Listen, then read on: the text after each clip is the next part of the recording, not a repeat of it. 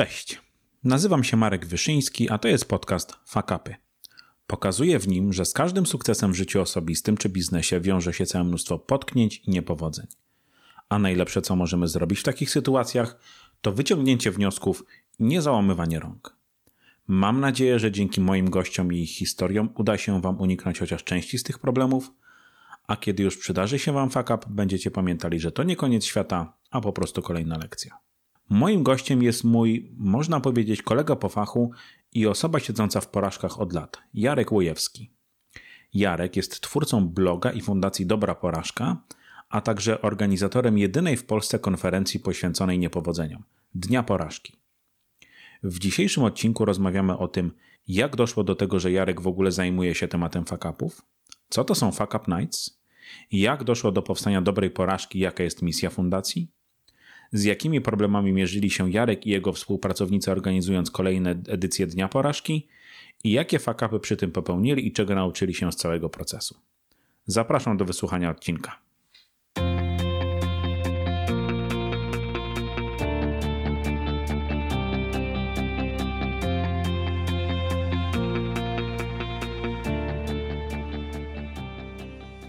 Cześć Jarku. Cześć. Wielkie dzięki za to, że zgodziłeś się dzisiaj ze mną porozmawiać, że poświęcasz mi tą e, godzinę w piątkowy wieczór.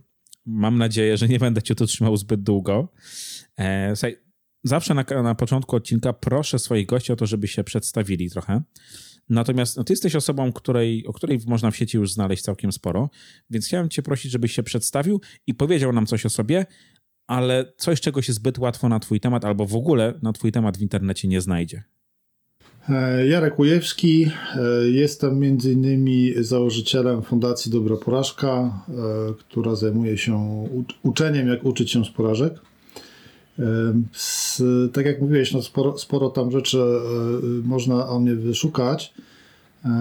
Czego, czego możecie o mnie nie wiedzieć? Takie dwie rzeczy mi dzisiaj przyszły do głowy. Pierwsza rzecz to jest taka, że od momentu zakończenia studiów do momentu odebrania dyplomu magistra e, minęło u mnie 20 lat.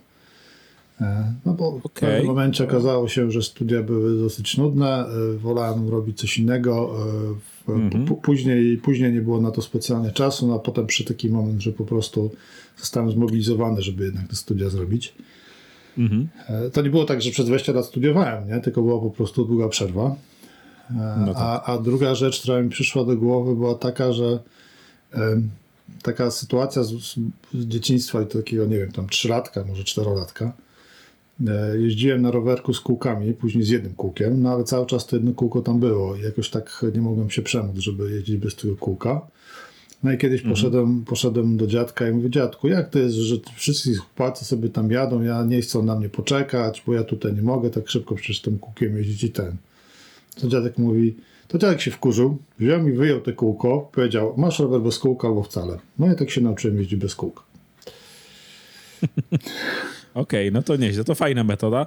No ja w te, w te wakacje uczyłem swoją córkę jeździć, no to aż tak brutalnie nie było. e, muszę cię zapytać, bo patrzę w tej chwili na twoją koszulkę. Jesteś fanem Gwiezdnych Wojen?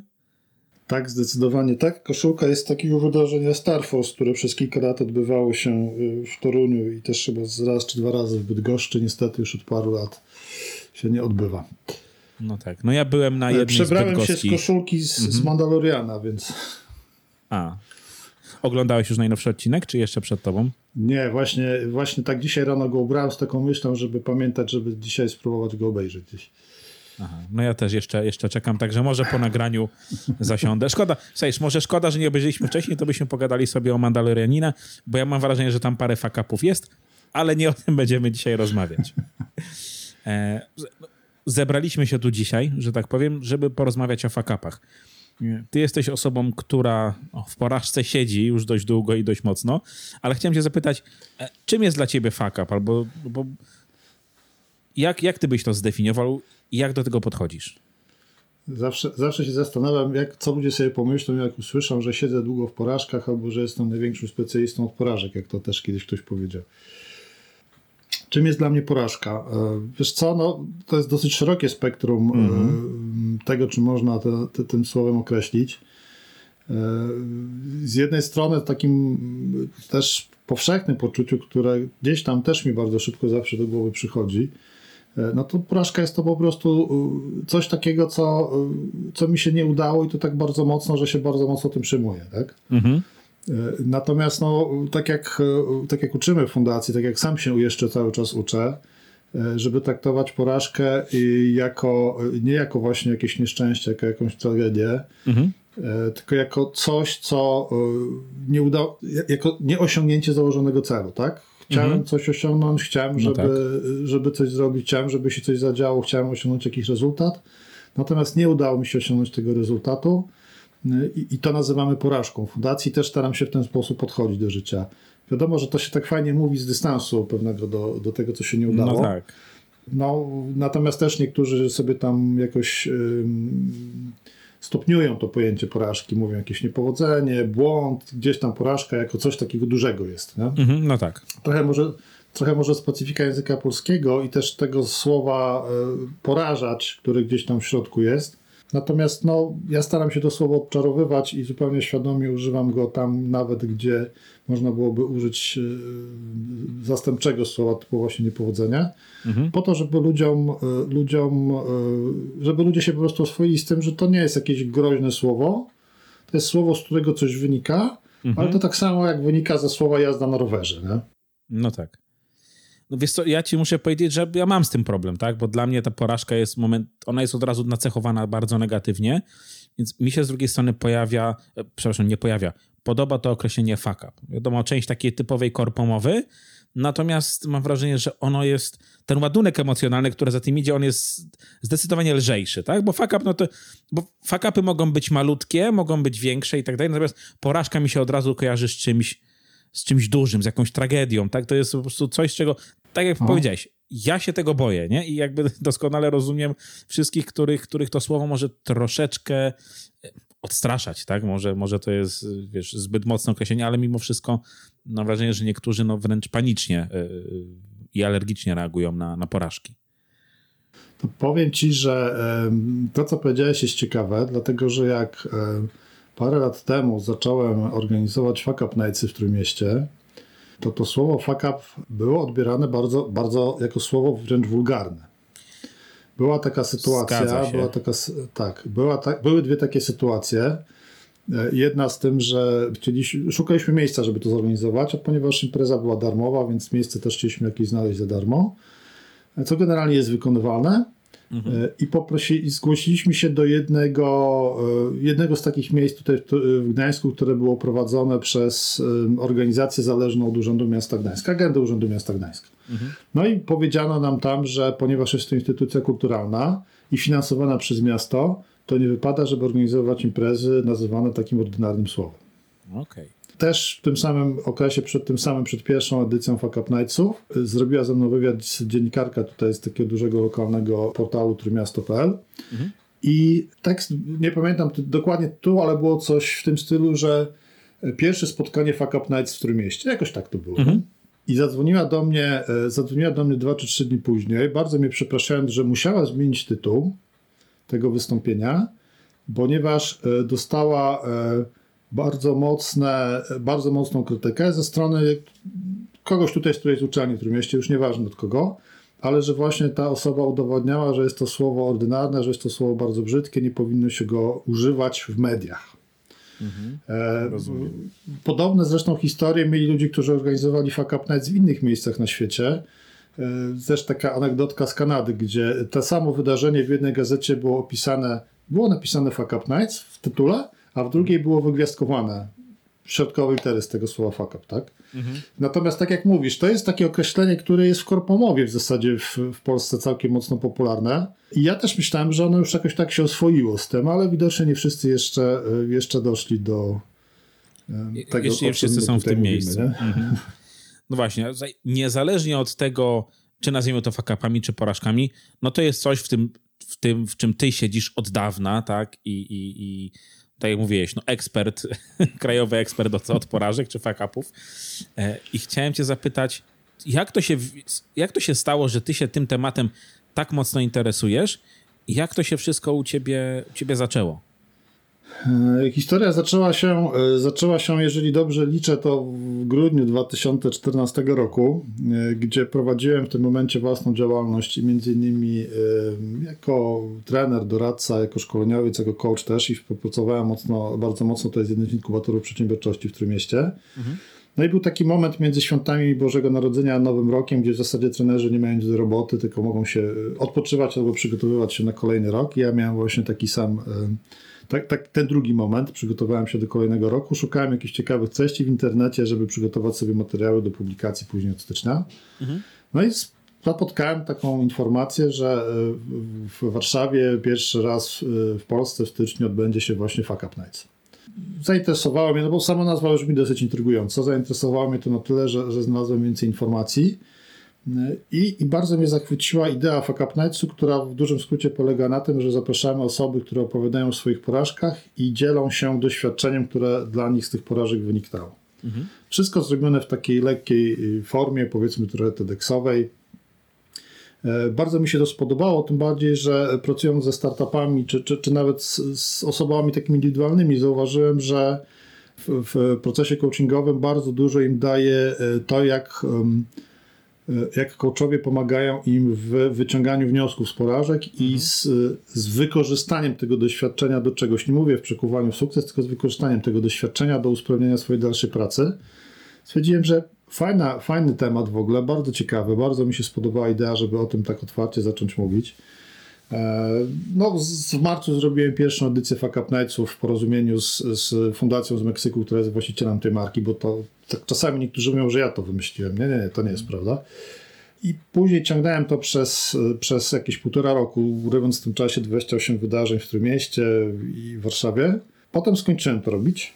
Mhm. Natomiast no, cały czas gdzieś na temat, ten temat y, porażek i fakapów gdzieś tam y, wpadał mi w oczy. Czasami spontanicznie, czasami y, prowokowany przeze mnie, czytaj, wyszukałem sobie to gdzieś w Google'ach. Mhm.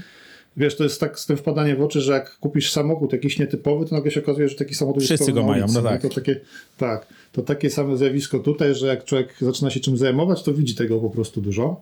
Mhm.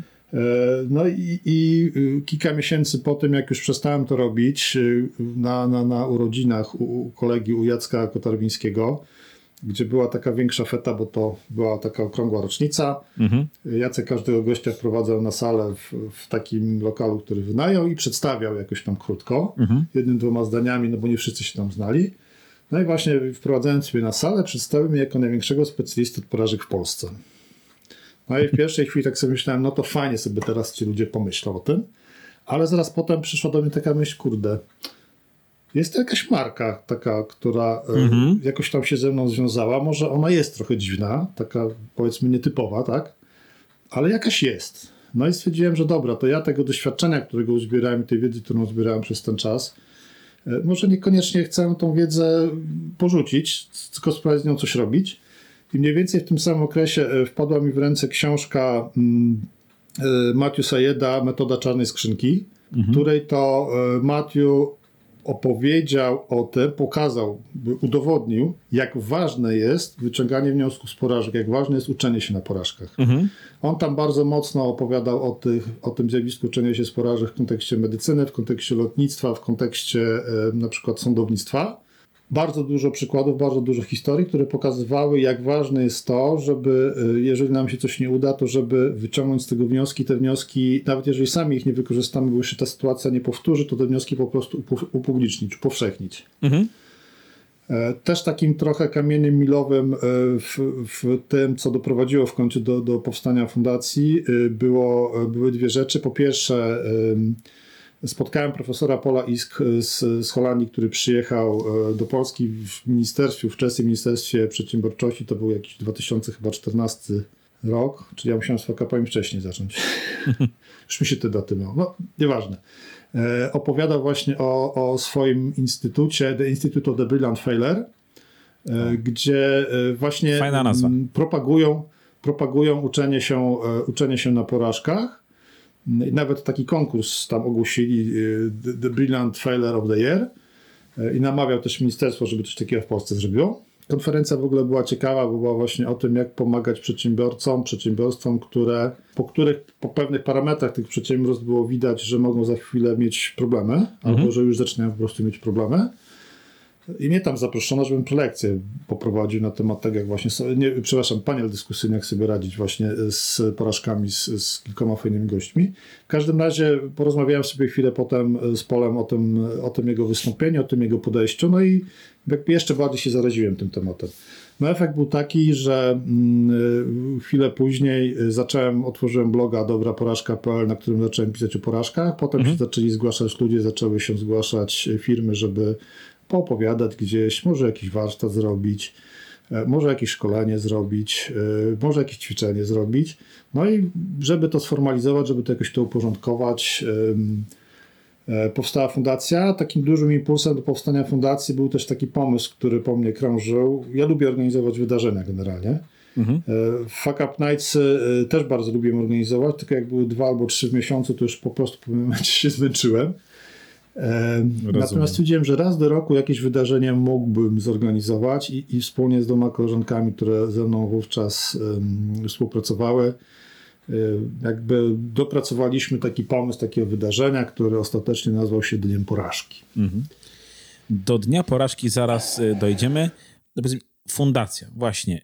Jaka, jaka jest misja fundacji? Tak? No bo e, mówię, założyłeś bloga, zacząłeś o tym pisać, ale rozumiem, że ciebie ten temat kręci, e, tak? Kręci cię temat porażki, ale co ty byś chciał w ten, w ten sposób osiągnąć? Jakby, po co to robisz? E, wiesz co, Fuck Up Nightsy to było takie fajne wydarzenie, które pozwoliło uczestnikom i prelegentom, ale też tych, tym osobom, które je słuchały, e, pozwoliło otworzyć się na rozmawianie o porażkach, na, na mhm. mówienie o porażce, na dzielenie się tą porażką. Miałem naprawdę fantastycznych prelegentów. Bardzo mało osób mi odmawiało udziału i, i opowiedzenia swoich historii, nawet takich, których e, zupełnie nie znałem, tak? Mhm. Już anegdotycznie e, kiedyś, e, kiedyś w, w na jakimś portalu przeczytałem o gościu, który mniej więcej taki typ nagłówek był tego artykułu. Pierwszy polski bloger modowy zbudował biznes wart 3 miliony dolarów. Nie? Mhm. I, I przeczytałem to i stwierdziłem, kurka, jak on zbudował taki biznes, na pewno coś musiało po drodze się nie udać. Mhm. Znalazłem go, że jest na Twitterze, napisałem do niego, cześć, słuchaj, ja tutaj organizuję takie wydarzenie. E, na pewno, zakładam, że na pewno jakieś, zakładam, że popełniłeś jakieś błędy e, mhm. po drodze, czy chciałbyś o nich odpowiedzieć? I za 5 minut rozmawialiśmy przez telefon, nie? Mhm. Tak, wiesz, tak, taka, taka otwartość po prostu była, e, zwłaszcza przedsiębiorców, ludzi, którzy wiedzą, że porażka to jest po prostu element, element życia, element ich pracy. E, natomiast e, to, co mi brakowało w Fuck Up Nightsach, to było tak, była historia, czyli takie otwarcie się, pokazanie odwagi, że się tym dzielę, e, pokazanie, co doprowadziło mnie do, do, tej, tej, tego, do tej porażki, do tego nieszczęścia, jakie wnioski z tego wyciągnąłem, co z tymi wnioskami zrobiłem dalej. Natomiast mi brakowało czegoś jeszcze. Mi brakowało tego, y, fajnie, że wszyscy wiedzą, jak się uczyć na błędach. Pytałem się, jak na TEDxie, gdy jak występowałem z tym tematem, pytałem się widowni, kto wie, że należy się uczyć na błędach, kto o tym słyszał. No to tam sto parę osób na widowni, wszyscy z tego, co widziałem, mhm. podnieśli ręce, bo tak reflektor w oczy świecił. E, natomiast jak się zapytałem, a kto wie, jak to robić, kto zna jakąś metodę uczenia się na błędach, no to ręce podniosły dwie osoby. Mhm. Więc jak misją fundacji jest pokazanie, jest uczenie tego, jak uczyć się na błędach. E, formalnie mhm. myśmy sformułowali to w ten sposób, że wspieramy osoby i organizacje w szybszym roz, rozwoju dzięki naukom wyniesionym z przeżytych niepowodzeń. Mhm. Żeby, żeby wspierać, trzeba nauczyć te organizacje, nauczyć y, te osoby dwóch rzeczy. Po pierwsze, że trzeba to robić, tak? Mhm. Trzeba ich odważyć do tego, żeby to robili. A po drugie, zaproponować im jakieś narzędzia, zaproponować im jakieś podejścia, zaproponować im jakieś rozwiązania, które ułatwią im to zadanie i jak wyciągać wnioski z tych porażek. Mhm. No właśnie, powiedz mi, czy istnieje taki zbiór narzędzi, czy mówiąc też ładnie po polsku, jakiś framework, który wspomaga to uczenie się na błędach. Tak jak powiedziałeś, dwie osoby podniosły ręce. No, okay, popełniłem błąd, wyciągam wnioski, następnym razem być może tego błędu nie popełnię. To się teoretycznie wydaje proste jak konstrukcja cepa, ale tak jak mówisz, są narzędzia do tego i pytanie, czy, czy wręcz mamy jakieś takie zorganizowane systemy, które wspomagają naukę na błędach? E, wiesz co, jest parę takich rozwiązań, e, parę takich podejść, które, e, które pomagają w, w systematyzowaniu tego. Mhm. Natomiast, znaczy są takie rzeczy, tak? Po prostu mhm. są. Jedną z takich metod jest na przykład action, After Action Review opracowany przez armię amerykańską i to nie jest anegdota, tylko to jest fakt. Możecie znaleźć w sieci dokument US Army, który to opisuje który właśnie mówi o tym, żeby po każdej akcji zrobić y, w pewien opisany w tym dokumencie sposób taki, taki przegląd tego, co się po prostu tam wydarzyło i co mhm. można było w przyszłości zrobić lepiej. I tam to jest uporządkowane w takich czterech krokach. Y, jest parę innych metod, których, y, które gdzieś tam widziałem, o których czytałem, natomiast przyznam się szczerze, że na tłoku tych wszystkich rzeczy to nas nie pamiętam. Jest też taki cykl Deminga PD, PDAC, jeżeli dobrze mhm. pamiętam. Jak PDCA chyba. W koment- Albo Ple, tak? Plan do check act. Mhm. Tak. E, który też, e, to do i check, tak? Mhm. I akt to są właśnie też takie elementy, między innymi, to, to, to check mówi o tym, sprawdźmy, co działa, co nie działa, zostawmy to, co działa, a to, co nie działa, poprawmy i, i, i wdróżmy to, czyli to jest ten akt, tak? Mhm. E, natomiast też w ramach fundacji, znaczy w ramach fundacji, no tak, zastanawiając się, e, co można byłoby zrobić, żeby właśnie podać jakąś taką skuteczną, bardzo praktyczną metodę uczenia się na błędach, mhm. E, to opracowaliśmy taką metodę, która się nazywa 5Z. Mhm. Nazwa może nie jest zbyt efektowna, e, Natomiast jest to taka metoda pięciu kroków, mówiąc, składająca się z takich pięciu kroków, albo raczej elementów, bo one nie muszą być po kolei robione. Znaczy, to nie jest liniowo, tak? Mhm. Która, która pomaga po pierwsze zrozumieć, na czym polega błąd, tak? Co, co jest mhm. tą porażką, co jest tym błędem, no bo nie wiem, czy, czy, czy mam to rozwinąć, czy, czy nie chcesz. Pewnie, pewnie, rozwijaj, rozwijaj, bo to tak. E, Mega Czasami ciekawe. jest tak, że y, y, my jako, jako błąd określamy to, co jest skutkiem tego błędu, tak? Czyli efekt tej porażki. Mm-hmm. No i, i, i, nie wiem, jakiś taki prosty przykład. Prosty przykład. E, porażką może być na przykład to, że spóźniliśmy się na samolot. Mhm. Po prostu, nie? Natomiast no, to jest efekt pewnego czegoś, to pewnej jakiejś decyzji albo pewnej jakiejś sytuacji, z którą mieliśmy do czynienia wcześniej. Mhm, no tak. Jeżeli na przykład wcześniej podjęliśmy decyzję, dobra, obejrzę sobie jeszcze, jeszcze jeden odcinek Mandaloriana albo Gwiezdnych Wojen bo i na pewno zdążę na samolot, nie muszę być godzinę wcześniej, wystarczy jak będę 45 minut wcześniej to to była ta porażka. Tak, mhm. że podjęliśmy po prostu taką decyzję, która zaskutkowała tym, że nie zdążyliśmy na samochód. Więc trzeba znaleźć to clue, to, to, to miejsce, w którym coś się, coś się y, nie udało. Mhm. E, pierwszy krok to było zidentyfikowanie porażki, czyli to pierwsze Z. Mhm. Drugi krok to jest zrozumienie, z czego ta porażka wyniknęła. Dlaczego, dlaczego chcieliśmy, tak jak w tym przykładzie, dlaczego chciało nam się obejrzeć ten film? Dlaczego przyjęliśmy założenie, że E, że wystarczy, e, jak będziemy 15 minut później niż, niż wcześniej planowaliśmy.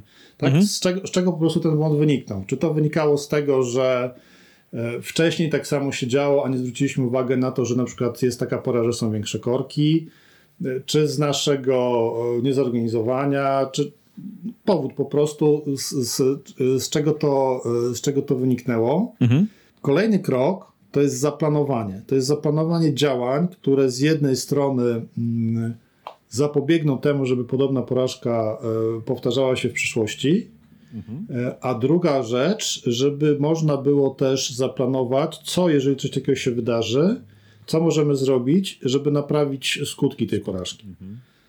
Tak? Czyli na przykład, jeżeli tutaj była taka sytuacja, że pojechaliśmy na to lotnisko tramwajem, bo zawsze tak jeździliśmy, no to być może na drugi raz, jeżeli już coś takiego się wydarzy, to trzeba od razu się nie zastanawiać nad tym, czy brać taksówkę, czy nie, tylko od razu wsiadać w taksówkę i jechać. Tak? Mhm. Czwarte Z, w sumie najważniejsze że z tego wszystkiego, to trzeba pamiętać o tym, żeby to, co wymyśliliśmy dla takiej sytuacji w przyszłości stosować. Mhm. Tak? Y, może też być tak, to jest na przykład y, często w organizacjach, firmach, że jak sobie robimy takie lessons learned po projekcie i korzystamy z takiego podejścia jak to 5Z, no to realizacja, to zrealizowanie tych zadań, zrobienie czegoś z tym, co wcześniej ustaliliśmy, co wymyśliliśmy, żeby na drugi raz jakiś tam błąd w projekcie czy, czy, czy, czy w jakichś działaniach sprzedażowych się nie pojawił, to możemy na przykład w ramach e, te, tego punktu czwartego zrealizuj, możemy na przykład zmienić proces e, projektu, możemy zmienić procedurę ofertowania do klienta, E, możemy zmienić podejście tego ofertowania, zmieniając jakieś reguły, które na przykład mamy gdzieś sobie spisane. Mhm. Możemy też wpisać na przykład taką nauczkę do jakiejś listy dobrych praktyk albo do jakiegoś dokumentu, z którym musi zapoznać każda osoba, która będzie prowadziła projekt albo prowadziła sprzedaż. To musi mhm. być zoperacjonalizowane, takie słowo, które czasami ciężko mi się, yy, mi się wymawia. Nie? No tak. Uczynić to częścią no i, naszego i, systemu, tak? Po prostu. Tak, tak. Trzeba to po prostu wbudować, dlatego że bardzo często jest tak, że właśnie, zwłaszcza w tych lessons learned projektowych, które y, zdarza mi się od czasu do czasu robić, bardzo często jest tak, że y, y, ludzie nawet znajdą czas, żeby przegadać to, co się w projekcie udało, co się nie udało, wyciągnąć z tego jakieś wnioski. Nawet powstaje jakaś notatka po tym spotkaniu. Nawet ktoś stwierdza, że dobra, to trzeba w takim razie pogadać z kimś od projektu, żeby to wpisał do procedury. Oj, tak, tak. Dziesiątki takich spotkań odbyłem w swoim życiu.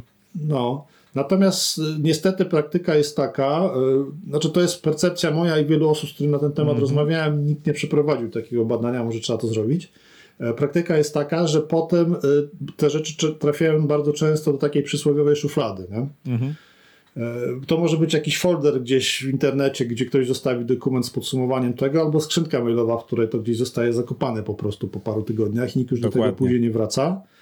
E, więc e, e, ważny, ważny punkt tej metody jest taki, żeby faktycznie to zrobić. No i ostatni, piąty krok. Trzeba zweryfikować w momencie, kiedy taka sytuacja znowu się powtórzy i zastosujemy tę metodę. Trzeba zweryfikować po pierwsze, czy takie metody w ogóle były stosowane, te, które miały zapobiegać porażce albo niwelować jej skutki. Czyli mhm. na przykład w przypadku projektów osoba, która nadzoruje ten projekt, jest project manager, który prowadzi, osoba, która go nadzoruje, powinna się go zapytać, słuchaj, czy ty pamiętasz o tym, żeby skorzystać z tej procedury, albo, yy, albo jeżeli już ta sytuacja znowu się powtórzyła, zapytać go, słuchaj, czy ty stosowałeś tą procedurę, mhm. tę zasadę, tą dobrą radę, którą dostałeś wcześniej po poprzednich projektach. Bo może wyjść taka sytuacja i to jest też drugi element tego piątego kroku, E, który w pełnej wersji nazywa się Zweryfikuj stosowanie i użyteczność tych wymyślonych działań.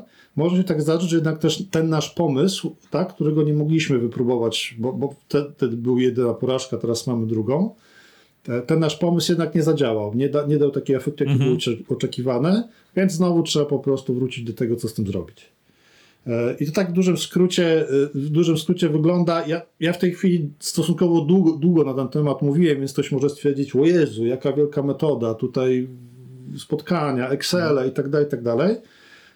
E, tak, tak warto robić przy jakichś dużych projektach, w organizacjach, przy jakichś takich większych wydarzeniach, gdzie nawet będzie tak, że tych błędów, tych porażek może być więcej i każdy, każdy jeden taki element powinien, każdy jeden taki błąd powinien podlegać temu, co powiedzieliśmy.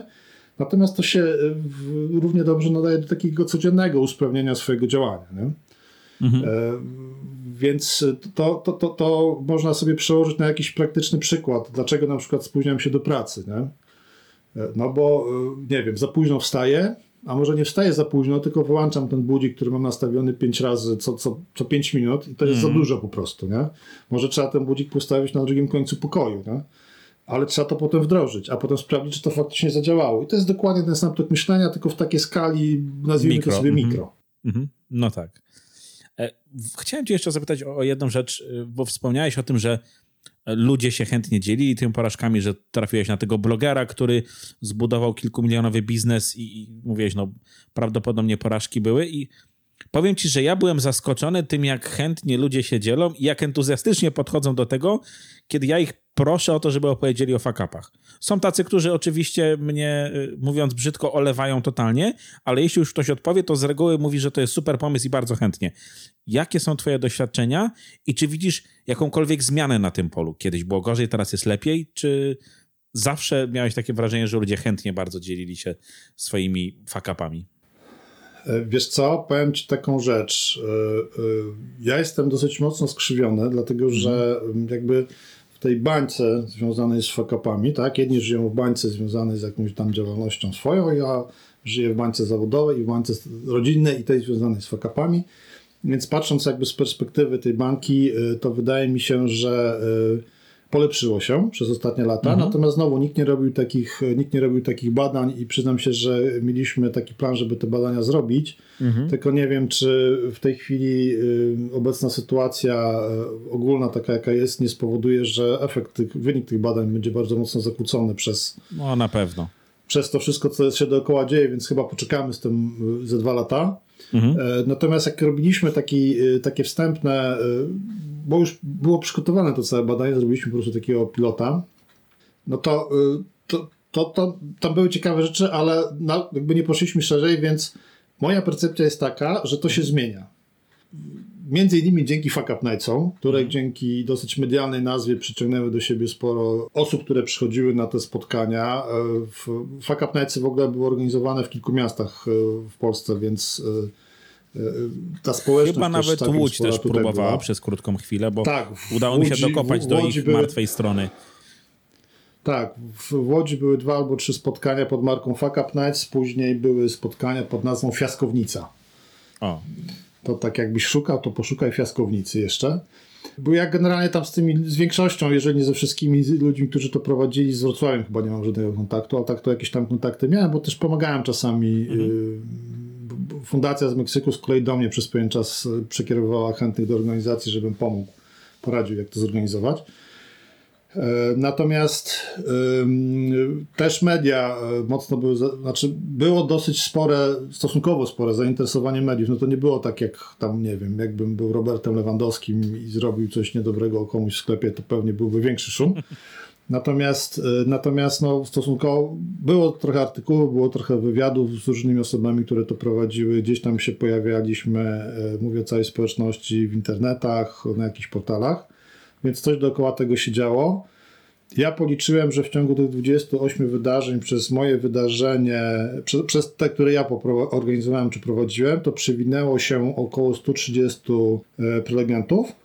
Wow. Czasami było tak, że zazwyczaj były cztery osoby na, na, na, na jednym spotkaniu, czasem było pięć, bo na przykład w parze ktoś występował. Mhm.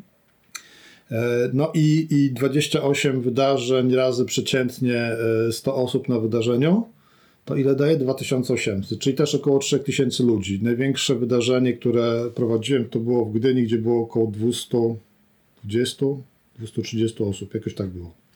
No to powiem Ci, że te liczby robią wrażenie, bo ja na, no na, na różnych meetupach bywałem i one z reguły były mniej liczne. Zawsze to było te 10 osób i to z reguły dolne kilkadziesiąt. Także 230 na meetupie, no to robi faktycznie e, robi wrażenie. Mhm.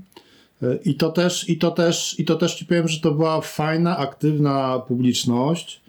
Była taka grupa, która przychodziła regularnie. Były mhm. takie spotkania, na które przychodzili ludzie związani z, z daną branżą, jak był na przykład Michał Wolniak, który jest y, dla niektórych takim guru marketingowym, a na pewno -hmm. bardzo dobrym menadżerem obszaru marketingu, no to było dużo ludzi z, z, z marketingu, tak?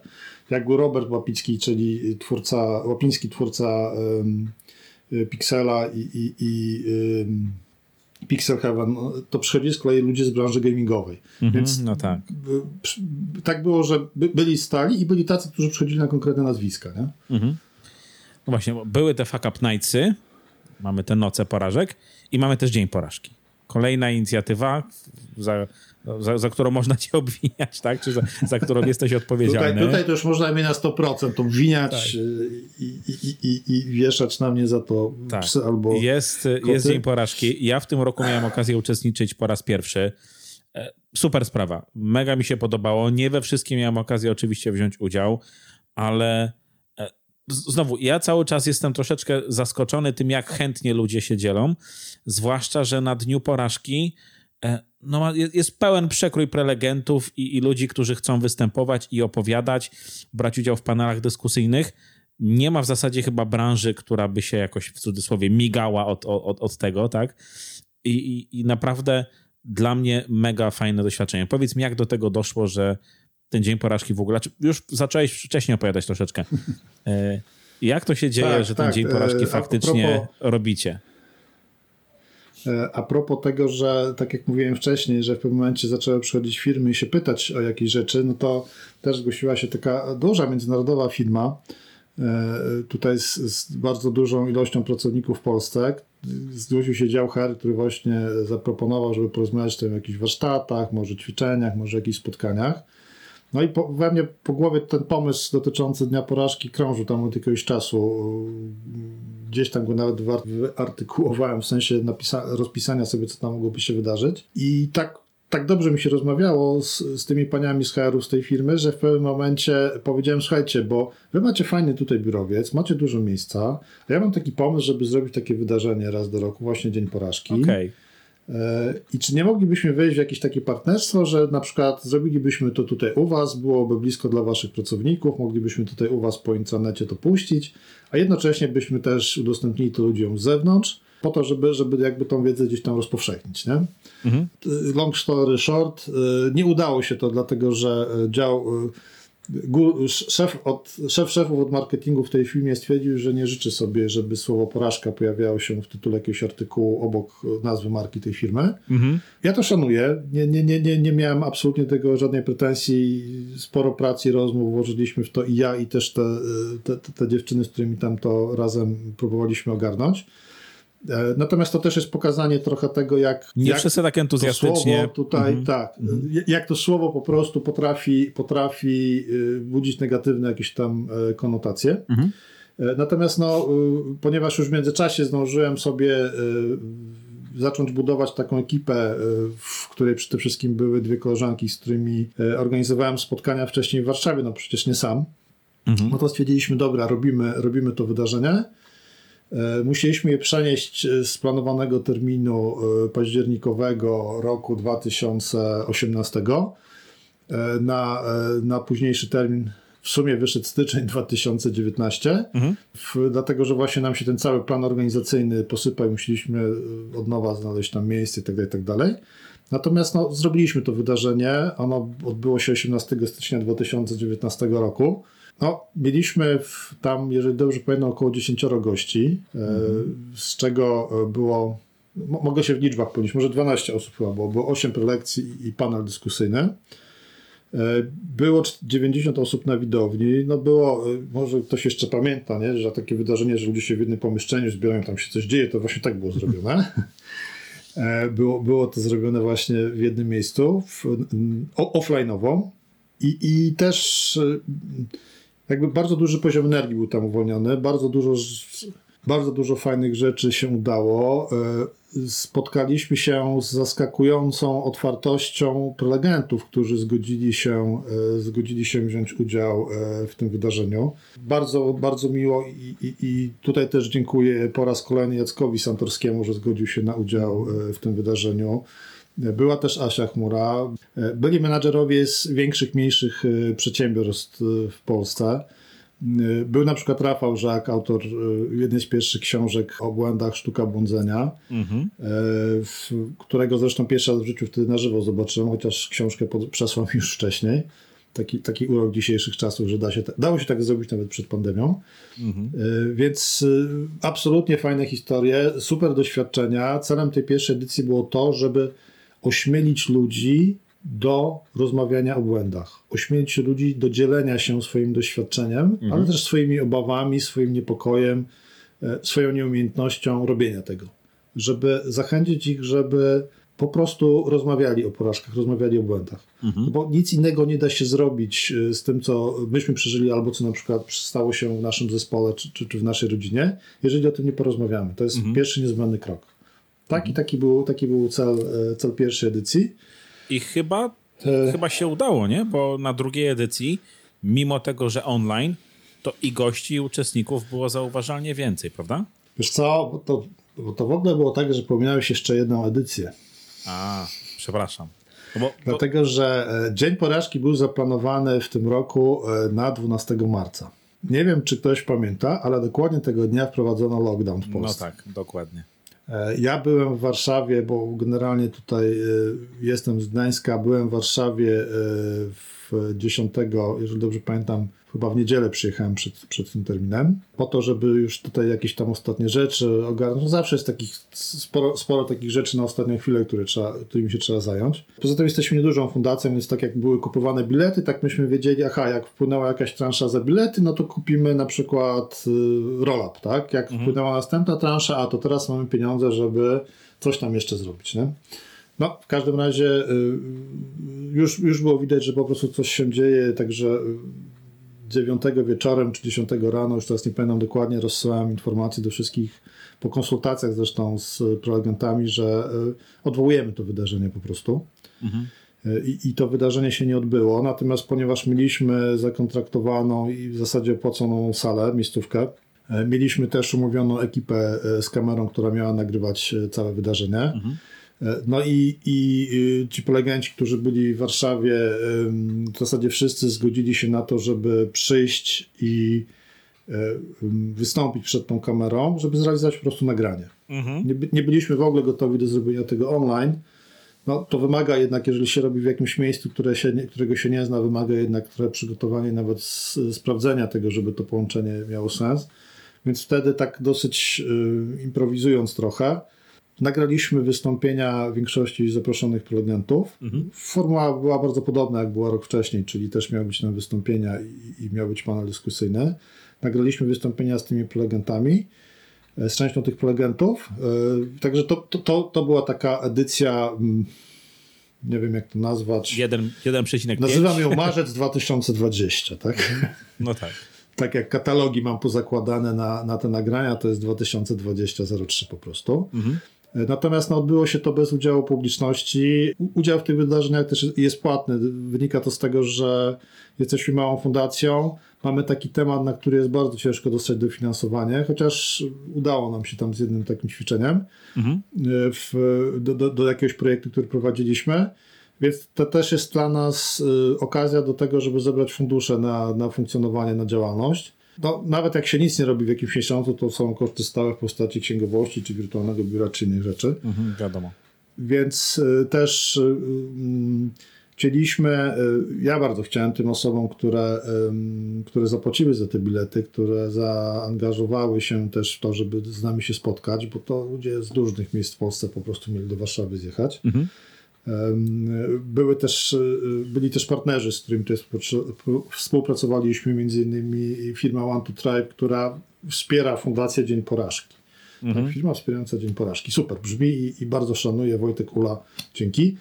E, natomiast no, chcia, chciałem zrobić po prostu takie wydarzenie, które e, jakby z jednej strony zadowoli ich, że zapłacili za jakąś usługę, bo też fantastyczna rzecz się, fantastyczne rzeczy się wydarzyły trzy, tak? Po pierwsze mhm. prelegenci powiedzieli, że większość prelegentów, już tych, co byli spoza Warszawy, tych poprosiłem, żeby po prostu nie przyjeżdżali, bo to nie miało sensu. Mhm.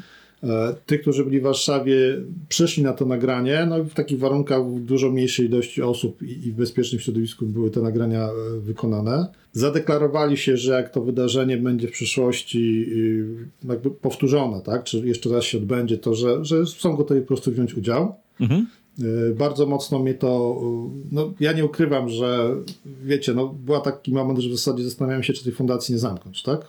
No bo mhm. jak finansowo chociażby to, to, to ciężko to, to wyglądało. E, natomiast e, też fantastycznie się zachowały osoby, które kupiły bilety. Poza naprawdę jakimiś jedną czy dwoma osobami, które na przykład nie zapłaciły za bilety jeszcze, e, miały jakiś dłuższy termin płatności i stwierdziły, że w tym momencie nie płacą, mhm. to pozostali, pozostali nie oczekiwali zwrotu kosztów za bilety. Super. Po prostu, nie? Oczywiście wszyscy dostali informację, że tam, że, że będziemy się zastanawiali, na jaki inny termin przesunąć to wydarzenie. Wtedy jeszcze była taka percepcja, że może miną tam 3-4 miesiące, albo może trochę dłużej to się skończy. Natomiast jak wiadomo, to trwało trochę, trwało, trwa jeszcze cały czas. No tak. E, no i, i, i w, e, efekt był taki, że w czerwcu e, w gronie osób, z którymi wspólnie tutaj pracujemy w fundacji, podjęliśmy decyzję, że zrobimy to 13 października. Data nie jest przypadkowa, dlatego że jest to data, którą, e, e, która została, mogę tak powiedzieć, wymyślona przez ekipę z Finlandii jako Day for Failure, International Day for mhm. Failure. I to też była data, kiedy miała pierwsza edycja się odbyć, tak? Mhm, Tylko no z tak. tych powodów, o których mówiłem, to się nie udało. E, Więc myśmy, myśmy się wpisywali po prostu w, w tamtą z kolei społeczność, która notabene w tej chwili już nie działa, a my działamy. E, W, ym, tak. No i teraz formuła tego wydarzenia. Był na początku taki plan, żeby zrobić online, e, żeby zrobić, przepraszam, na żywo z transmisją online. No ale ja tak się obawiałem, że może być taka sytuacja, że nie wiadomo, czy nie będzie jakiegoś nawrotu, czy coś tam się nie będzie takiego działo, co, co nie pozwoli z, tutaj ym, tym zrobić. Y, Tutaj w Gdańsku są dwie takie duże konferencje organizowane w okolicy y, wakacji, to jest InfoShare i Let's Manage IT. Em, Przepraszam, IT Manager of Tomorrow organizowane Przez Fundację IT, tak, IT, tak? Em, Zresztą ciekawostka, o której też może ktoś nie wie, byłem project managerem pierwszej edycji tej, tej konferencji i, i bardzo sobie chwalę e, współpracę z, z tamtą Ja byłem na edycji bodajże dwa lata temu chyba y, w Gdyni. Y, Pierwsza była chyba w 2017 albo 2016 roku edycja. E, W każdym razie y, rozmawiałem też z organizatorami tam tych dwóch wydarzeń, no bo Gdańsk to jest takie, Trójmiasto to jest takie małe miasto i tutaj się wszyscy znają, zwłaszcza jak coś robią. E, No i też właśnie mieli dużo wątpliwości. Skończyło się tak, że Let's Manage IT było kombinowane offline i online, natomiast InfoShed tylko online'owo. No ja też podjąłem dosyć szybko decyzję, chociaż bardzo bolesne to dla mnie przez na początku było, żeby zrobić to online. Z takim założeniem, że jednak y, znowu robienie, inwestowanie w pomieszczenia, tak, w jakiś catering i tak dalej, ściąganie ludzi tutaj skądś, no może znowu się wiązać z jakimś ryzykiem. To, to chciałem po prostu oszczędzić tego y, prelegentom. Natomiast y, stwierdziłem, że dobra, zróbmy to online, ale zróbmy to inaczej, zróbmy to y, lepiej, zróbmy to więcej. Mhm. No i pomysł był taki, żeby zrobić konferencję, która będzie miała jeden, jedną taką scenę, jeden taki wątek y, wykładowy. Natomiast, żeby też miała jeszcze dodatkowe sceny, gdzie będą właśnie panele dyskusyjne związane z różnymi tematami, czy biznesowymi, czy osobistymi. I teraz muszę się do czegoś przyznać, nie? bo ja najpierw wymyśliłem i ogłosiłem, że, że to ma tak być, że będą przynajmniej y, jeden czy dwa dodatkowe te strumienie. E, I jak już, jak już się zapowiadało, że te dwa strumienie na pewno będą dodatkowe, czyli łącznie trzy, to zacząłem się rozglądać za narzędziem do tego. I to był mój błąd, słuchajcie. Jak będziecie organizowali jakieś wyrafinowane wydarzenia e, online, to, to, to najpierw się zobaczcie, e, czy i za ile da się to zrobić. E, Dlatego, że okazało się, że to jest oczywiście rabialne, tylko albo to kosztuje dużo pieniędzy, kosztuje dużo pieniędzy po prostu, tak? Żeby to, to zorganizować, e, zorganizować e, w odpowiedni sposób, bo dużo narzędzi e, nie, wprost w tych takich podstawowych pakietach nie daje możliwości równoległego urobienia kilku Pokojów. no, takiego zdarzenia, jakim my chcieliśmy, czyli jest kilka scen, ludzie w każdej chwili mogą przejść z jednej sceny na drugą, tak jak w realu, tak? Nie podoba mi się w tym pokoju, to przechodzę sobie do drugiego pokoju, zobaczyć o czym tam mówią. Dzieje się to równolegle w ciągu jednego dnia e, w, z odpowiednią tam, e, z, z, ze sporą obsadą tych ludzi. Ale No, udało jak, się. Jak zacząłem, ale nie, nie udało się, zrobiliśmy to. Okej. Tak, e, naprawdę był tutaj spory wysiłek zespołu, zespołu organizacyjnego, także Magda i Ania dziękuję Wam jeszcze raz i Lucynie, która też do nas dołączyła i mojej rodzinie, która też nas tutaj wspierała w różny sposób, również w trakcie samego wydarzenia. E, Natomiast e, tak, zrobiliśmy tą konferencję, było 44 prelegentów, były cztery strumienie, e, w których odbywały się w jednym wykłady, w, pozostałych panele dyskusyjne, także 9 paneli dyskusyjnych i 8, 8 wykładów. Było 44 prelegentów i prelegentek. E, Ja tak się śmieję, że to jest największe na świecie wydarzenie e, związane z porażkami, jeżeli chodzi właśnie o liczbę prelegentów. E, Bo kiedyś był Failcon w Stanach, gdzie to, No tak. to, to jest ciężko porównywać Polskę ze Stanami, nie? bo tam na takie wydarzenie to tam było kilkanaście tysięcy osób, odbywało się to w wielkiej hali, ale tam jest, ta, tak generalnie tam jest tego typu z, z wydarzeniami wieloma. Natomiast, no mówię, jak sobie uświadomiłem w pewnym momencie skalę tego zjawiska, to się trochę przestraszyłem. Potem stwierdziłem, że może trzeba coś przyciąć, a potem stwierdziłem, że kurde, teraz taki język soczysty jest modny, ale to może już nie będę go tutaj stosował. Spróbuję to zrobić, nie? Nie, mhm. nie, nie dośpię, nie dojem, nie udało się nie dojeść niestety, e, ale, ale to zrobię. No i, i, i Jak kraść to miliony, tak? No tak, no wspólnie z ekipą żeśmy to zrobili. Było po drodze parę fajnych fakapów, o które pewnie mnie zaraz zapytasz, bo tak, tak, tak. tak żeśmy wcześniej ustalali, umawiali się, czy też ty, ty proponowałeś to. E, natomiast e, efekt był taki, że jak się to wydarzenie skończyło i połączyliśmy się z całą ekipą online, w rozproszonym, rozproszonym środowisku cały czas pracujemy, chociaż wszyscy jesteśmy z Trójmiasta, e, to tak nam się trochę nie chciało wierzyć, że to się tak płynnie udało. Mhm. Były oczywiście pewne rzeczy, które się po drodze i w trakcie wydarzyły. Ale, ale wrażenie ogólne jest takie, że po prostu impreza się udała bardzo dobrze. E, e, z jednej strony dobrze, dlatego że bardzo, no, tej, od strony technicznej po prostu nie było jakichś większych e, problemów. Były tam kłopoty z rejestracją, natomiast dotyczyły one pewnej grupy, pewnej grupy uczestników. Natomiast ona się e, niedobrze, nie bardzo dobrze, tylko zarąbiście dobrze udała od strony merytorycznej.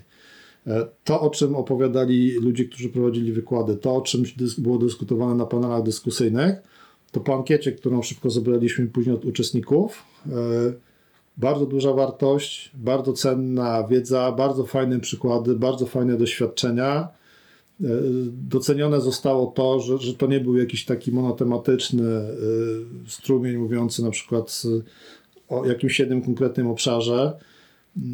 E, było o wszystkim, nie? By, było Z mojej perspektywy. rzeczach. Nie było tak, o wszystkim, no wszystkim było no o różnych mhm. rzeczach, tak?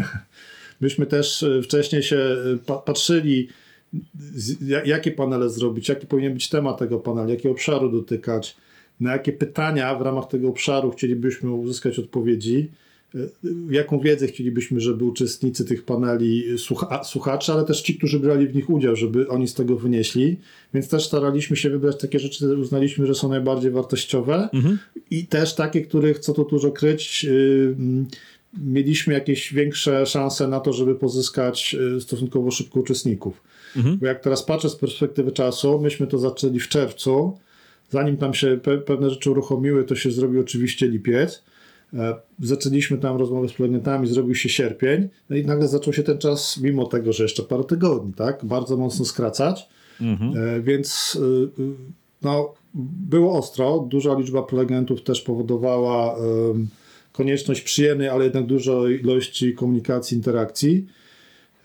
Fajnie było to, że zrobiliśmy na przykład taką jedną rzecz, która Podejrzają ją w Let's Manage IT fundacji, to się, to się przyznaje. Mhm. E, mianowicie sprzedawali takie bilety w ciemno. Ja nie pamiętam, czy one się tam tak nazywały. Tutaj, była, tutaj był bilet w ciemno, mhm. czyli już gdzieś w czerwcu, jeżeli dobrze pamiętam, wiedząc jaki będzie termin, że będzie online i że będzie przynajmniej 20 prelegentów, e, zaczęliśmy sprzedać, sprzedaż biletów. One były, e, one były po 59 zł brutto taka cena regularna, która później była na koniec, to było, jeżeli dobrze pamiętam, 239 zł, mhm. czyli były no, bardzo tanie.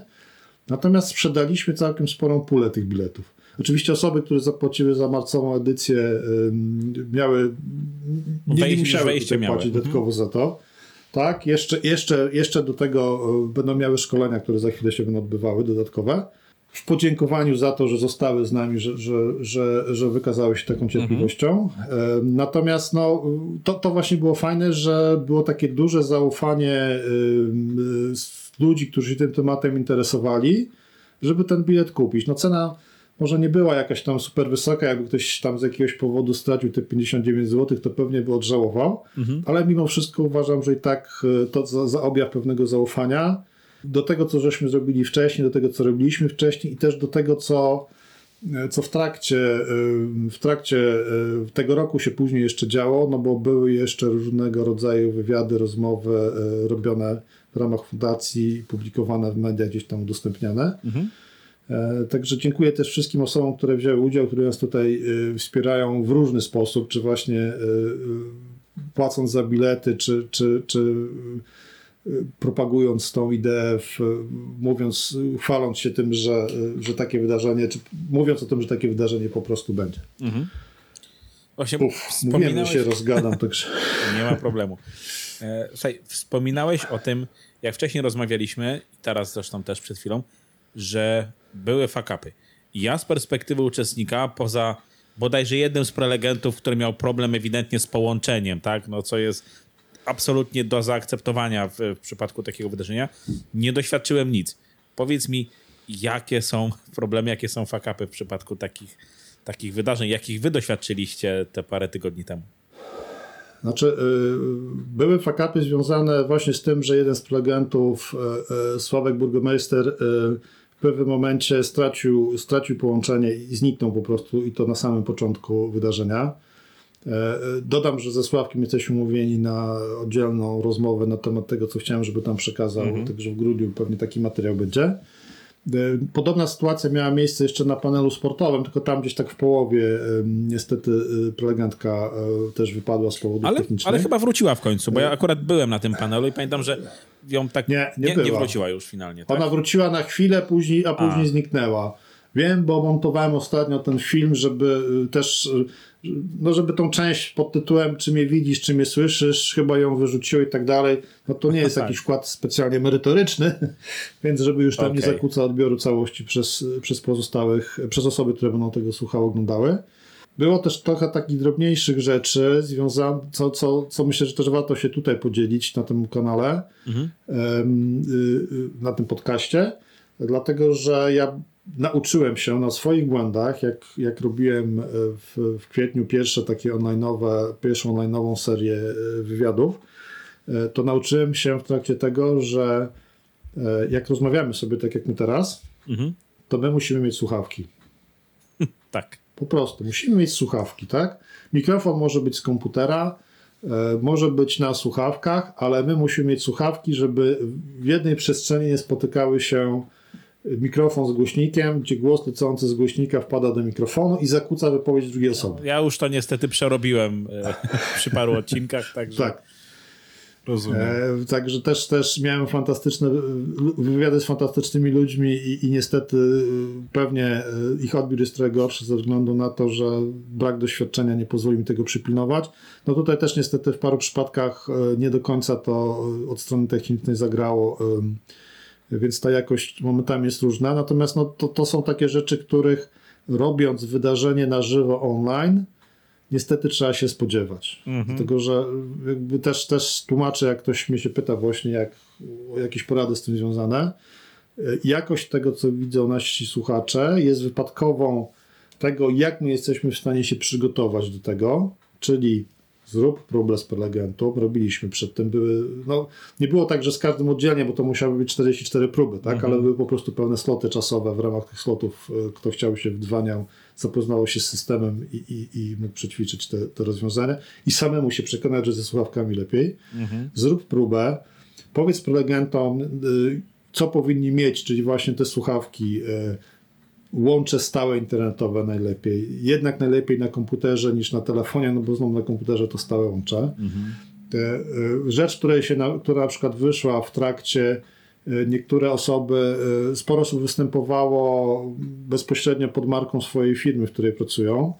I okazało się, że niektórzy mają taki problem, że komputery są tak pozabezpieczane, mhm. że nie mogli się na przykład włączyć do tego systemu do, do transmisji, którego użyliśmy, tak?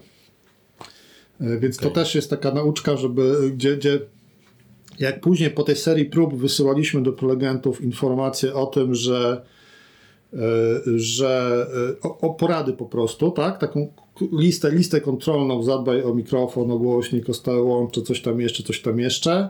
Kolejna rzecz, której się nauczyliśmy, zadbaj, żeby w tym czasie, jak robisz transmisję, twoje dzieci albo rodzina nie, czy znajomi nie oglądali na twoim łączu Netflixa. No tak to, to, to, się nie pojawiło w trakcie wystąpienia, natomiast właśnie tutaj jedna z koleżanek e, z fundacji, to jak wcześniej mieliśmy różne spotkania, tam rozmowy czy testy, e, to zawsze widzieliśmy, kiedy dzieci włączały Netflixa, bo spadała jakość obrazu. I to, to był taki no tak. moment, nie? To było po prostu widać, więc ja u siebie też tutaj dałem bana na inne rzeczy w domu niż, niż, niż ten dzień porażki, bo, bo tutaj z domu we trzy osoby żeśmy to rodzinnie robili też. Mhm. Także y, zabezpieczyliśmy sobie też y, na przykład to, że y, jedna z osób, które prowadziły panele dyskusyjne, jedna tutaj z, z, z osób, z którymi wspólnie to organizowaliśmy, miała łącze internetowe od operatora komórkowego z określoną ilością e, gigabajtów do przesłania. No tak. Ja... Więc też jakby dokupiliśmy jej tam tych gigabajtów tyle, żeby w razie czego tutaj się nie, nie było później czegoś takiego, że się skończy przepustowość. Nie? Znam to z autopsji, bo ja siedzę w tym na łączu komórkowym, mieszkając na wsi i nieraz już się o tym brutalnie przekonałem w trakcie spotkań czy, czy konferencji, tak? No. Że było i nie ma. Miałem też trochę obaw związanych z tym, że czy mi tutaj na przykład no mam solidną taką kablówkę, dobrze znaną w Polsce markę, mhm. której oczywiście jak to przy dużych markach są różne opinie, ale nie narzekam. Nie mam powodu, żeby narzekać. Natomiast też się zastanawiałem, czy jakiegoś routera komórkowego jednak tutaj nie dokupić, no ale Wszelki. mieliśmy mhm. jeszcze tak, mamy jeszcze też na komórkach y, dosyć sporo tutaj w domu y, przepustowości, więc w razie czego założyliśmy, że dobrze 3-4 minuty przerwy przeżyją uczestnicy i się szybko przełączymy. Mhm. Oczywiście gdzieś tam z tyłu głowy było to, że uczestnicy, którzy też ze swoich miejsc gdzieś nadawali, mm, mogą też mieć z tym jakiś problem. No i tak jak widać w dwóch przypadkach to wyszło. Był też taki pomysł, żeby zrobić w Warszawie i w Gdańsku, bo stąd było najwięcej prelegentów, takie miejsce, gdzie, gdzie, gdzie prelegenci mogliby przyjść i z tego miejsca po prostu nadawać, mhm. żeby zapewnić nam odpowiednią jakość obrazu, głosu i, i łącza. Natomiast po pierwsze było minimalne zainteresowanie tym, tą mhm. usługą i to dwie osoby na takiej zasadzie, że jakby było, to może się zastanowię, żeby z tego skorzystać. Mhm. No a po drugie to też y, znowu organizacyjnie dla nas było bardzo kłopotliwe. Ja chcę powiedzieć, że myśmy to wydarzenie zrobili y, w 3 plus 3 osoby. Trzy osoby brały udział przy organizacji. Mhm plus trzy osoby pomogły nam w momencie, kiedy to wydarzenie już się odbywało. Także ja jestem cały czas w ciężkim szoku, że bardzo sprawnie, y, też nie ukrywając, duży nakład pracy był tutaj przez wszystkich mm -hmm. włożony, y, to się odbyło. Także można, można takim, taką ilością osób takie wydarzenie zorganizować, natomiast już wiemy, że y, przy kolejnej edycji jednak będziemy chcieli, żeby było nas trochę więcej, już jest nas trochę więcej. Mm -hmm żeby to po prostu zrobić w trochę bardziej zorganizowany sposób, żeby jednak mieć szansę na jakiś sen i życie prywatne jeszcze. Nie? To trzymam kciuki bo, w takim razie. Tak. Wszystkie osoby, które pracują w fundacji, łącznie ze mną, to są wolontariusze, którzy robią to po godzinach pracy. Mhm. Także też, też trzeba mieć to na uwadze. Pełen szacun. Dziękuję jeszcze raz całej ekipie. Mhm. Chciałem cię jeszcze zapytać, bo... E, e no. jeszcze, jeszcze jedną rzecz tylko muszę koniecznie powiedzieć, Pewnie. bo największy fuck up, który był, e, był przy tym wydarzeniu, związany był nie ze sprawami technicznymi, tylko związany był e, tak naprawdę z komunikacją. O. Z komunikacją z, z widzami, z uczestnikami. Jak już powiedziałem wcześniej, żeby to zrobić w sposób taki, że tak powiem, normalnie jakby się zrobiło tego typu wydarzenie, cztery ścieżki i tak dalej, czyli jak na przykład InfoShare zrobił też bardzo duże przecież wydarzenie, mhm no to trzeba byłoby mieć kupę ludzi, kupę sprzętu e, na zapłacenie tym ludziom za wykupienie odpowiednich narzędzi itd., tak itd. Tak Czytaj, no koszty po prostu tego byłyby, e, byłyby duże. Bardzo duże, jak dla nas e, bardzo duże. Natomiast zrobiliśmy to, zrobiliśmy to technicznie w ten sposób, że złożyliśmy z dostępnych na rynku, dostępnych w internecie płatnych rzeczy, ale płatnych takie rozsądne z naszej perspektywy pieniądze. Mhm złożyliśmy taki system, który, y, który pozwolił nam na y, realizację tej transmisji mhm. na żywo, na czterech scenach. Włącznie z tym, że jak ktoś chciał zmienić, przejść na inną scenę, to pamiętasz, tam u góry były przyciski, tak, można tak, było po prostu tam linki guzik. kliknąć mhm. i się przełączałeś na, następ, na inną scenę, jak, gdzie, gdzie, gdzie był, był inny panel, czy, czy, czy gdzie mhm. były wykłady. I co ja chciałem powiedzieć? Znaczy, ja się właśnie o to, o to chciałem cię zapytać. Dobra. Z czego już. wykorzystaliście, że to tak fajnie wyglądało? Największy, największy fuck up, jaki mieliśmy, był związany z komunikacją, związaną z tym, że mieliśmy system do rejestracji i płatności. Mhm. Tak, i tutaj skorzystaliśmy też y, ze, z jednego z wiodących systemów na polskim rynku. Mhm. I mieliśmy też oddzielnie miejsce, gdzie trzeba było się zarejestrować do tego, żeby wziąć udział w tym wydarzeniu. No tak. Ze względów formalnych, ale też technicznych, technicznie może dałoby się to zrobić inaczej, ale były pewne powody, y, dlaczego trzeba było zrobić to tak, żeby trzeba było się rejestrować na wydarzenie i jeszcze do tamtego miejsca. Mhm. No i teraz okazało się, że była taka grupa uczestników, tak jakieś 20, 20 parę osób, e, do której nie dotarła komunikacja, którą wysyłaliśmy na temat tego, jak należy do tego systemu wejść. Mhm. Nie dotarła w sensie, nie, być może częściowo nie trafiła do ich skrzynek, nie wiem, być może to, co wysyłaliśmy, taką domenę mamy fajną, nie? Dobra porażka.pl, więc wiemy, że jak, jak wysyłamy pierwszy raz do kogoś, to zawsze uprzedzamy sprawdź w spamie, bo, bo niestety tak się mhm. zdarza, że, się tra że trafia. Ale też y, nie dotarła ta komunikacja, bo jej nie przeczytali. Nie, nie dotarła tutaj, tak? Mhm. Do głowy.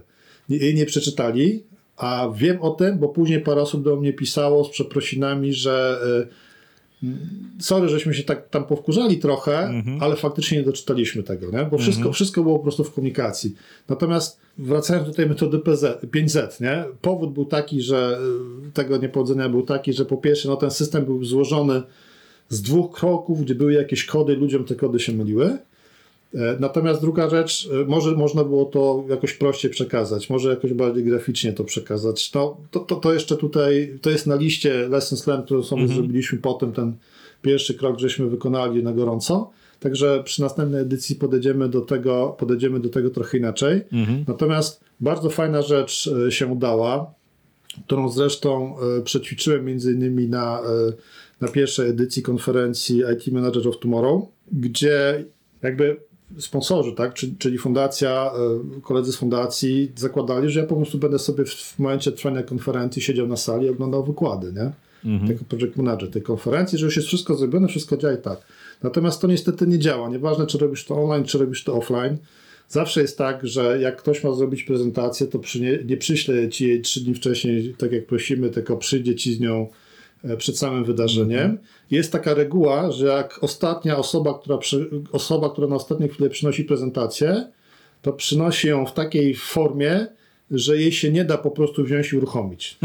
Coś z nią zawsze jest nie tak. Jest, nie, ma jakiś film, gdzie jest niestandardowy kodek.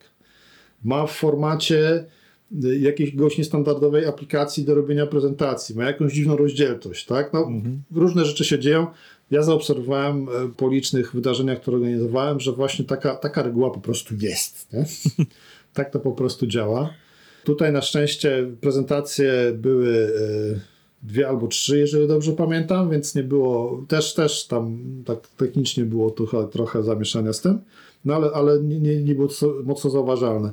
Natomiast to, co myśmy tutaj zrobili, no to było tak, że ja na początku już od rana spływały tam, a jeszcze jedną rzecz też uczestnicy zrobili, to bardzo proszę uczestników wszelkich wydarzeń, gdzie trzeba się zarejestrować, zróbcie to wcześniej. Dlatego, że dwa dni przed wydarzeniem do miejsca, gdzie miało się odbyć wydarzenie, na 200 parę osób, które kupiły bilety, było y, zarejestrowanych osób 60, jeżeli dobrze pamiętam. Mhm. Tak? Dzień przed wydarzeniem było zarejestrowanych osób 90, mhm. tam około godziny 22. Natomiast jak włączyłem e, rano komputer już w dniu wydarzenia, gdzie tam to wszystko już zostawialiśmy i ja oczywiście jak zwykle dużo wcześniej chciałem mieć to zostawione, no to nagle się okazało, że do momentu rozpoczęcia wydarzenia zarejestro zarejestrowało się kolejne 120-130 osób. Mhm. Tak? No i później jeszcze próbowały się rejestrować osoby, które z różnych powodów, którym z różnych powodów tego nie udało się zrobić. Jeden powód był taki, że właśnie ta komunikacja, e, no, musimy ją po prostu prościć. Natomiast drugi mhm. powód niestety, ale był tylko i wyłącznie z mojej winy poczyniony. Mianowicie było źle skonfigurowane te kody, które trzeba było tam wpisywać. E, więc e, ja zajmowałem się przez długi okres czasu na początku, zaraz po otwarciu tej konferencji, jeszcze przed, mhm. tym, żeby jak ktoś do mnie pisał, że, że ma z tym problem, to nawet ręcznie go dodawałem, żeby jak najszybciej taką osobę po prostu włączyć. Okay. E, I, i, I to jest też ta taka dobra praktyka, żeby mieć właśnie taką osobę, która będzie wiedziała, jak to całe ustrojstwo działa i była na posterunku, tak? Była na mhm. tym hotdesku, był jeden strumień informacji, która do niej spływa, no bo ludzie dzwonili też do mnie na komórkę, bo ten numer gdzieś tam na stronie organizatora był podany ja miałem zrobiony już pod przyciskiem y, tam, że nie odbierz, a wyślij SMS-a, miałem treść we wszystkich sprawach proszę pisać na adres mailowy ten i ten. Mhm. Bo bym sobie po prostu nie poradził, nie? No tak. Także udało się, udało się na tyle sympatycznie y, rozwiązywać i szybko rozwiązywać te problemy, że też parę ciepłych, ale w takim pozytywnym znaczeniu tego słowa, nie takich, wiecie, ciepłych sarkastycznie, mhm parę ciepłych słów e, na ten temat w mailach też e, i bezpośrednio po, po, po, udostępnieniu tych transmisji i też e, później w komentarzach w ankiecie było. Także to jest przykład tego, że nawet jeżeli popełnimy jakiś błąd, ale mamy znowu ta metoda 5Z, tak? Plan na to, jak usunąć ewentualne skutki tego błędu, jeżeli on mhm. ewentualnie ustąpi, tak? I zrobimy to dobrze, to jest ok. To już ta porażka się z porażki robi jakimś błędem, niepowodzeniem, mhm. nie udało się, tak? No tak. Ja żadnych fakapów nie doświadczyłem. Dla mnie to było, było super wydarzenie. Technicznie wszystko się wydawało super, tak jak mówisz, to przełączanie.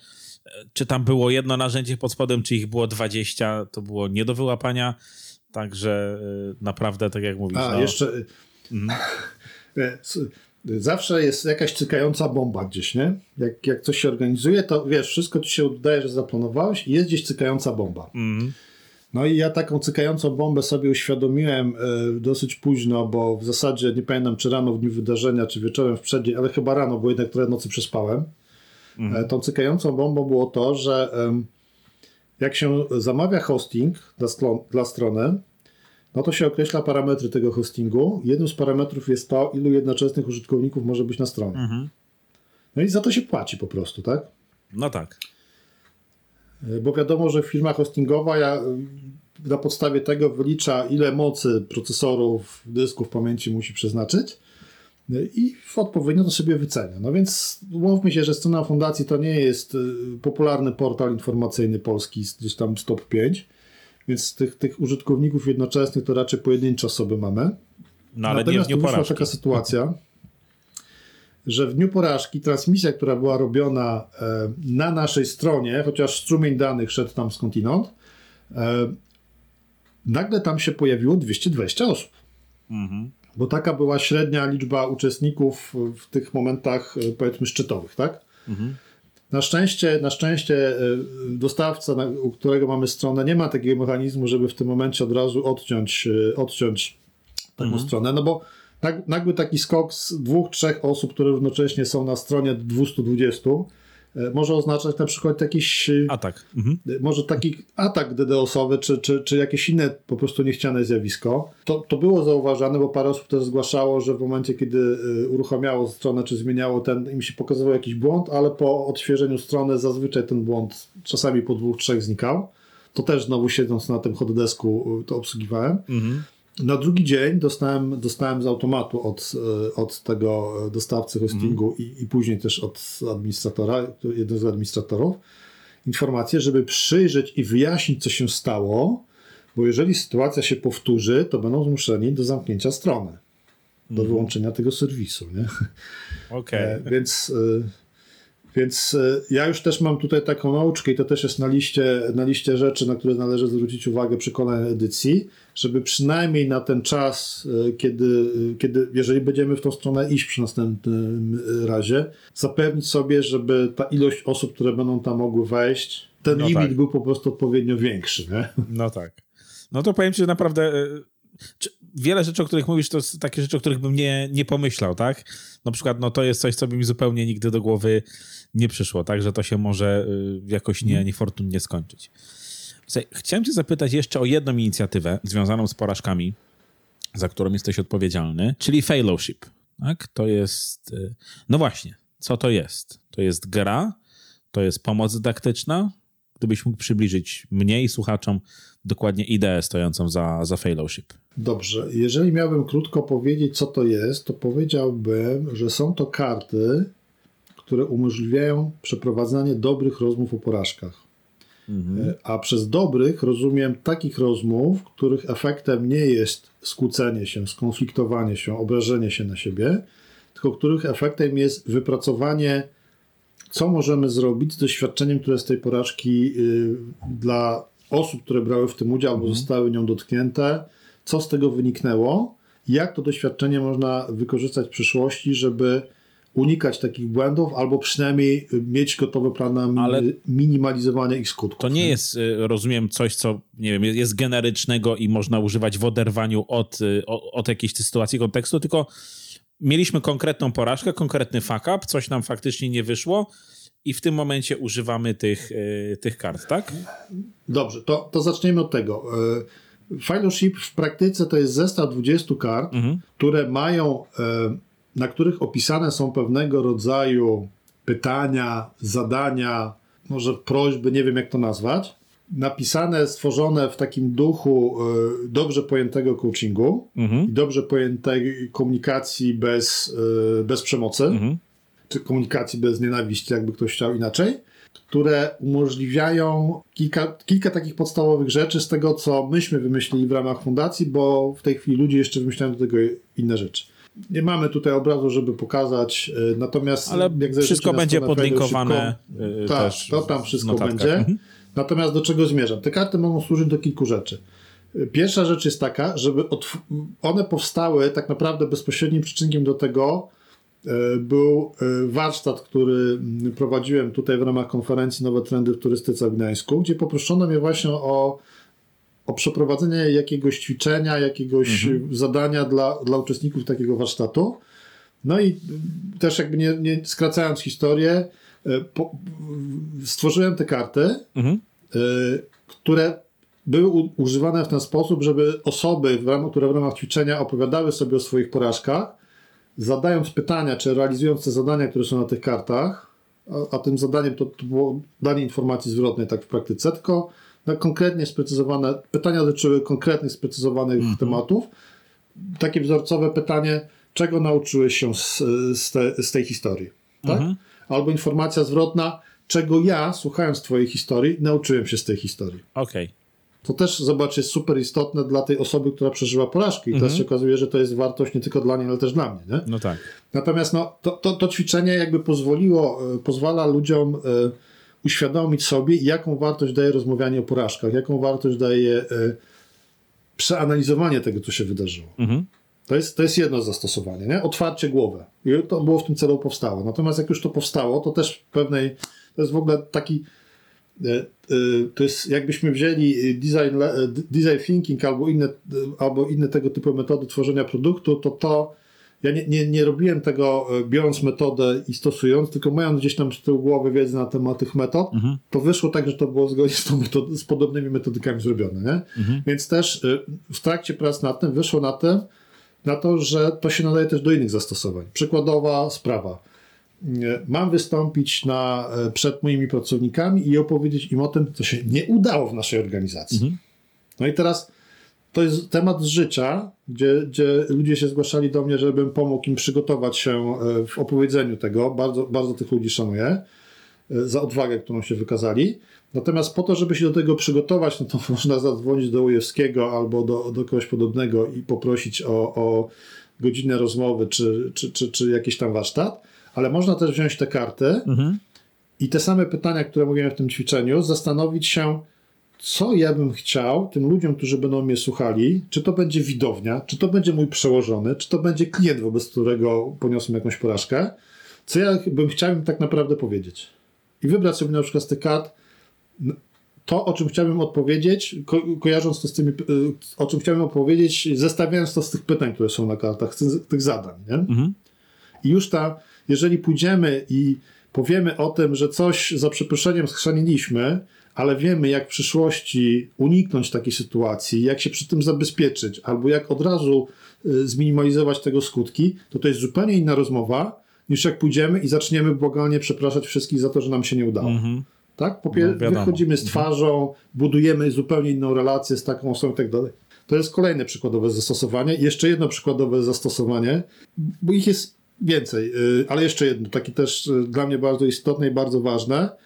E, Dlaczego ludzie boją się rozmawiać o porażkach? Jest, jedna bardzo istot, jest jeden z bardzo istotnych powodów, bo tych powodów jest oczywiście więcej, ale jeden powód jest taki, y, że ludzie boją się, bo opowiadać o swoich porażkach, żeby sobie nie zrobić krzywdy, a rozmawiać z tobą o twojej porażce, dlatego żeby tobie nie zrobić czegoś, co, co, co w mojej głowie jest krzywdą, tak? Ja mhm. mogę cię obrazić, mogę spowodować, że ty się będziesz źle czuł, jak, jak zacznę z tobą rozmawiać o tym, co ty skrzeniłeś, ale z drugiej strony ja muszę z tobą porozmawiać, bo na przykład jestem e, twoim rodzicem, jestem twoim przełożonym, jestem twoim partnerem w jakimś mhm. biznesie, bo jeżeli nie porozmawiamy, tak, to nie uda nam się na przyszłość działać lepiej. Więc też te karty pomagają na otwarcie takich rozmów, mhm. pomagają w tym, żeby te rozmowy przebiegały właśnie w takim duchu nie dlaczego coś zepsułeś, tylko ok, co teraz z tym zrobimy? Mhm. To już się wydarzyło. Tak, to było kiedyś. E, niektórzy mówią, że takie wracanie do tych porażek, ich analizowanie, e, to jest e, powrót do jakichś niedobrych emocji, że to się, to się nie robi, bo tam znowu człowiek się źle czuje i tak dalej, i tak dalej. Bo źle podchodzą do tego. I te mhm. karty właśnie pokazują, jak podejść do tego, żeby nie było tych złych emocji, tylko żeby wyciągnąć z tego, z tego co było w przeszłości, to już się wydarzyło. Może niechcący, może nie z naszego powodu. Tak? Spójrzmy na chłodno teraz. Żeby wyciągnąć mhm. z tego tak, żeby wyciągnąć z tego wnioski i móc z tych wniosków skorzystać w przyszłości. Mhm.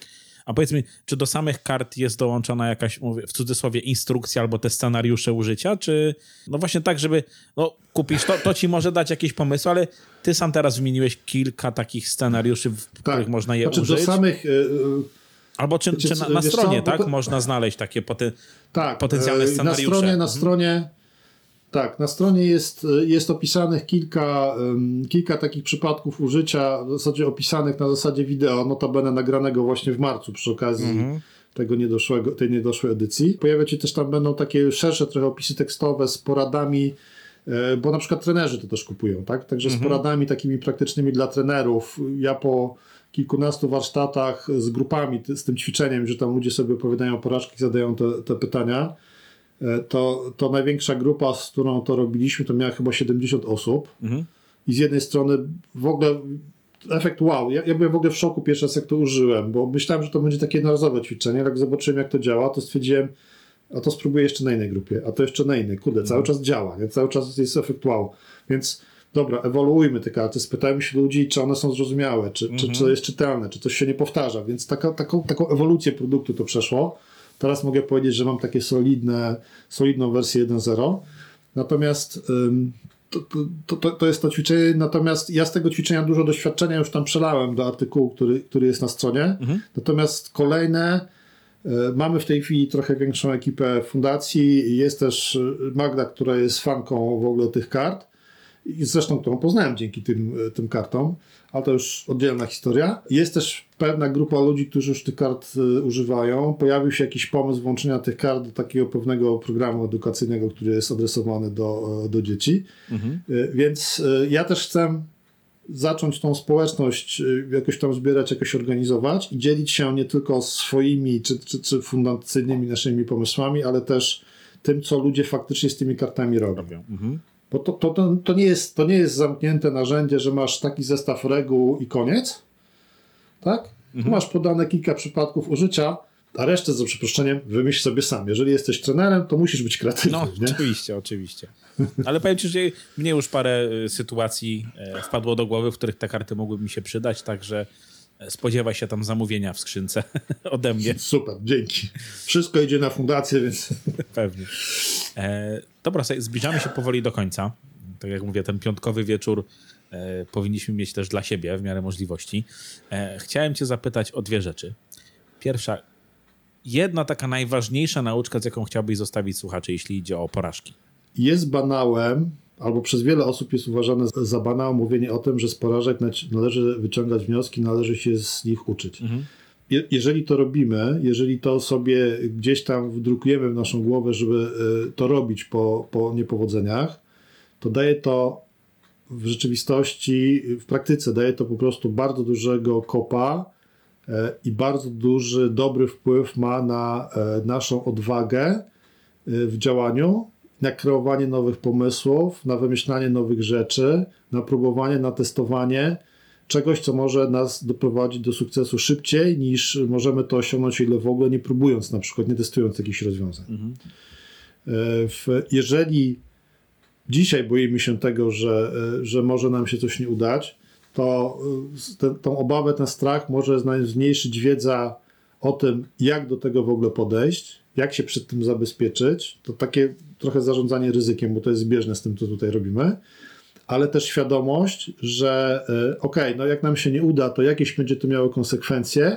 I już dzisiaj, jak się zastanowimy, jakie to będzie miało dla nas konsekwencje i co z tymi konsekwencjami możemy zrobić, to też jest coś, co powoduje, że my się mniej boimy. Mhm. I ta porażka już nie jest taka porażająca, tylko ta porażka jest jedną z opcji, której ryzyko wystąpienia możemy zmniejszyć, mhm. Przygotowując się do niej i też korzystając z własnego lub cudzego doświadczenia dotyczącego podobnych sytuacji. Mhm. Y odkryłem biografię. Jeżeli słucha nas ktoś y, młody, to zachęcam do tego, żeby zacząć czytać biografię wcześniej niż jak ma się prawie 50 lat. E, natomiast wszystkie osoby, e, o których biografię czytałem, to ten element uczenia się z porażek, wyciągania wniosków i takiej świadomości, że jak mi się coś nie uda, to ja wiem, co z tym zrobić, to te wszystkie osoby, które osiągały sukcesy, miały po prostu. Mhm one miały więcej porażek niż sukcesów tak naprawdę, tak? I bardzo Wiesz często co, to, to, to też... akurat bym tak nie, y, no, tak, tak bym nie, nie upraszczał tego, mhm. E, dlatego, że te, te, te, sukcesy często były, y, składały się z iluś tam elementów, włącznie z elementami, na które ci ludzie nie pracowali, na przykład mieli bogatych rodziców, nie? E, natomiast się. co nie znaczy, tak, co nie znaczy, że po drodze nie popełniali jakichś błędów, nie upadali, Ray Dalio na przykład w, w, w, swojej książce Zasady ma taką część biograficzną, gdzie on też z bogatej rodziny, tak? Ale w mhm. pewnym momencie tak mu tam, tak mu nie poszło po prostu z biznesem, że pożyczał od ojca pieniądze na życie. Mhm. Więc chodzi po prostu o, o, o to, żebyśmy mieli świadomość, że naprawdę y, z większości rzeczy, poza naprawdę skrajnymi, no ale to, to, to, są takie rzeczy, które, y, które ciężko, y, z których ciężko wyjść, jak, mhm. jak się zginie w katastrofie jakiejś, testując jakiś nowy model samolotu. Natomiast z większości rzeczy jesteśmy w stanie wyjść w taki sposób, żeby móc iść dalej. Tak? Mhm. Najlepiej żeby móc się mądrzejsi o te pewne e, tak. te nauczki. Tylko, tylko, tylko miejmy taką świadomość, że e, cokolwiek byśmy nie zrobili, może się coś wydarzyć. Mhm. Tak, starajmy się zrobić wszystko, żeby się to nie wydarzyło, natomiast miejmy też plan na to, e, jak postąpić, jeżeli coś takiego się faktycznie wydarzy. Mhm. Na sam koniec powiedz mi jeszcze, gdzie można e, Cię znaleźć? W internecie e... oczywiście, bo nie pytam o adres domowy. Dobrze. Słuchajcie, e, przede wszystkim zapraszam na stronę dobraporażka.pl, gdzie, która dzisiaj jest troszkę zapuszczona. Przyznam się, że ostatni artykuł jest z sierpnia. Mhm. E, ostatnia rozmowa, którą robiłem, natomiast wynika to po prostu z tego, że wtedy się zaczął bardzo intensywny czas pracy nad konferencją. Mhm. Nie było fizycznie czasu, żeby tam zajrzeć. Więc na, natomiast już tutaj mamy plan, żeby żeby się pojawiały nowe, fajne treści. Mamy nowe pomysły dzięki tej ekipy, którą zbudowałem przy okazji Dnia Porażki. Mhm. Więc zapraszam na stronę dobraporażka.pl. Poza tym, że nie ma nowości, jest tam e, duża baza wiedzy, czy na temat metody 5Z, czy na temat e, różnych historii związanych z porażkami. E, są własne artykuły napisane przeze mnie głównie, są artykuły własne fundacyjne, są artykuły napisane przez koleżanki, które ze mną współpracowały. E, są teksty, które, o, o które poprosiliśmy osoby, e, które, no, gdzie usłyszeliśmy na przykład ciekawą historię, poprosiliśmy o tym.